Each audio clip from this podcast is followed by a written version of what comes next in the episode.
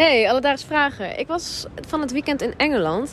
En toen viel het mij weer eens op dat de Engelsen altijd uh, beginnen met 21, 22, 23. En wij in Nederland 21, 22 en 23 zeggen.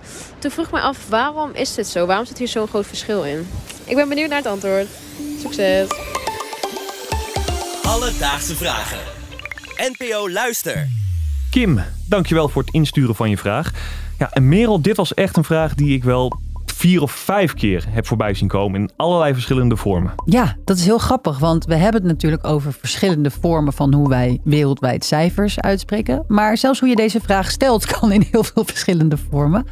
Uh, heb je een goed voorbeeld? Uh, nou ja, een voorbeeld is natuurlijk uh, eh, 21. Kijk, in Nederland zeggen wij 1 en 20. Ja. En als je kijkt naar het Engels, dan is het 21. Dus eerst de 20 en dan de 1. Oh ja, tuurlijk. En dan doen ze het in Frankrijk ook weer allemaal heel anders. Ingewikkeld. Oké, okay, goede vraag. Tijd om het uit te zoeken.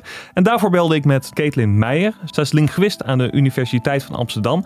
En zij heeft zich ook gespecialiseerd in het gebruik van cijfers en telwoorden in taal. Ja, precies. Dus waarom Franse, wat was het ook alweer als je 90 wil zeggen?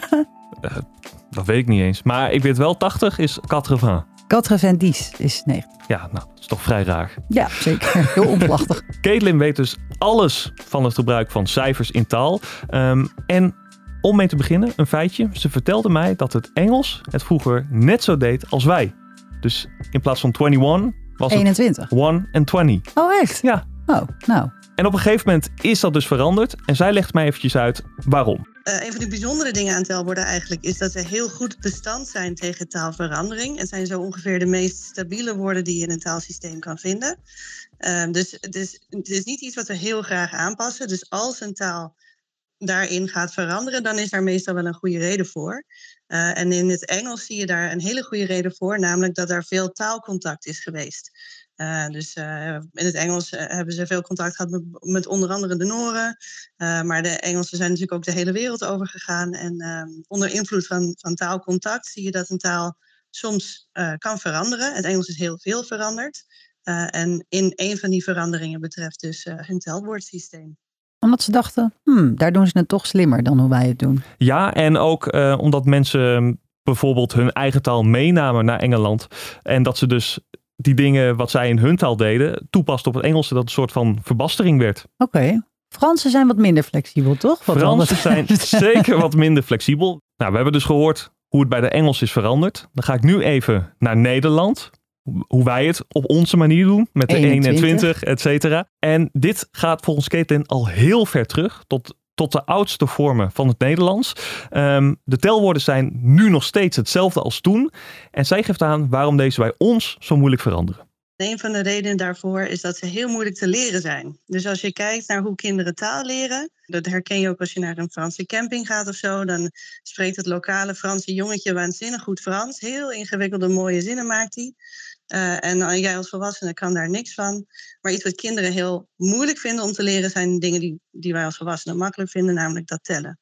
En uh, ze doen er tussen de twee en de vier jaar over om dat telsysteem helemaal goed onder de knie te krijgen. En dat, ja, iets waar je heel lang over hebt gedaan, daar ga je niet zo snel aan tornen, zou je kunnen zeggen. Klinkt heel logisch, ja. Ik, vind het ik kan zo... eindelijk 21 zeggen. Ja. Dan ga ik dat niet ineens niet meer doen. Maar ja, ik vind het ook zo typisch dat omdat jij vroeger iets moeilijk vond om te leren, dat we echt zo zijn van ja, nou, dat is eenmaal zo, we houden het zo. Nou ja, prima toch? En het verklaart heel veel bij het Frans, want dat is nog moeilijker om te leren dan hoe wij het doen. Alledaagse vragen. We weten nu dus hoe de Engelsen aan hun volgorde zijn gekomen en wij als Nederlanders. En tijdens mijn gesprek met Caitlin uh, kwam ook naar voren dat hoe wij tellen en hoe de Engelsen tellen, dat dat niet het meest efficiënte manier is om telwoorden te gebruiken. En zij had daarvoor een betere taal. Efficiënt betekent dat je daar makkelijk mee kunt rekenen. Dan wil je eigenlijk Mandarijn Chinees leren en niet het Nederlands. Dus het omdraaien van zeg maar, de eenheden en de tientallen. Dus dat je zegt 21 in plaats van 20, 1. Dat is, uh, kost je brein moeite. Uh, de Engelsen doen het dan net even beter door uh, 20 en dan 1 uh, te zeggen. En de Chinezen hebben het net iets beter voor elkaar, omdat hun systeem net iets transparanter is. En al hun basisstelwoorden uit één lettergreep bestaan. Dus ze zijn lekker kort en je plakt ze op een lekker transparante manier achter elkaar. En dan als je dan mee wil doen aan de wiskunde Olympiade, dan heb je een voorsprong. Ik durf trouwens wel te zeggen dat, uh, stel ik had mijn wiskunde Chinees moeten doen, dat ik waarschijnlijk nog slechter zou zijn dan ik nu al was.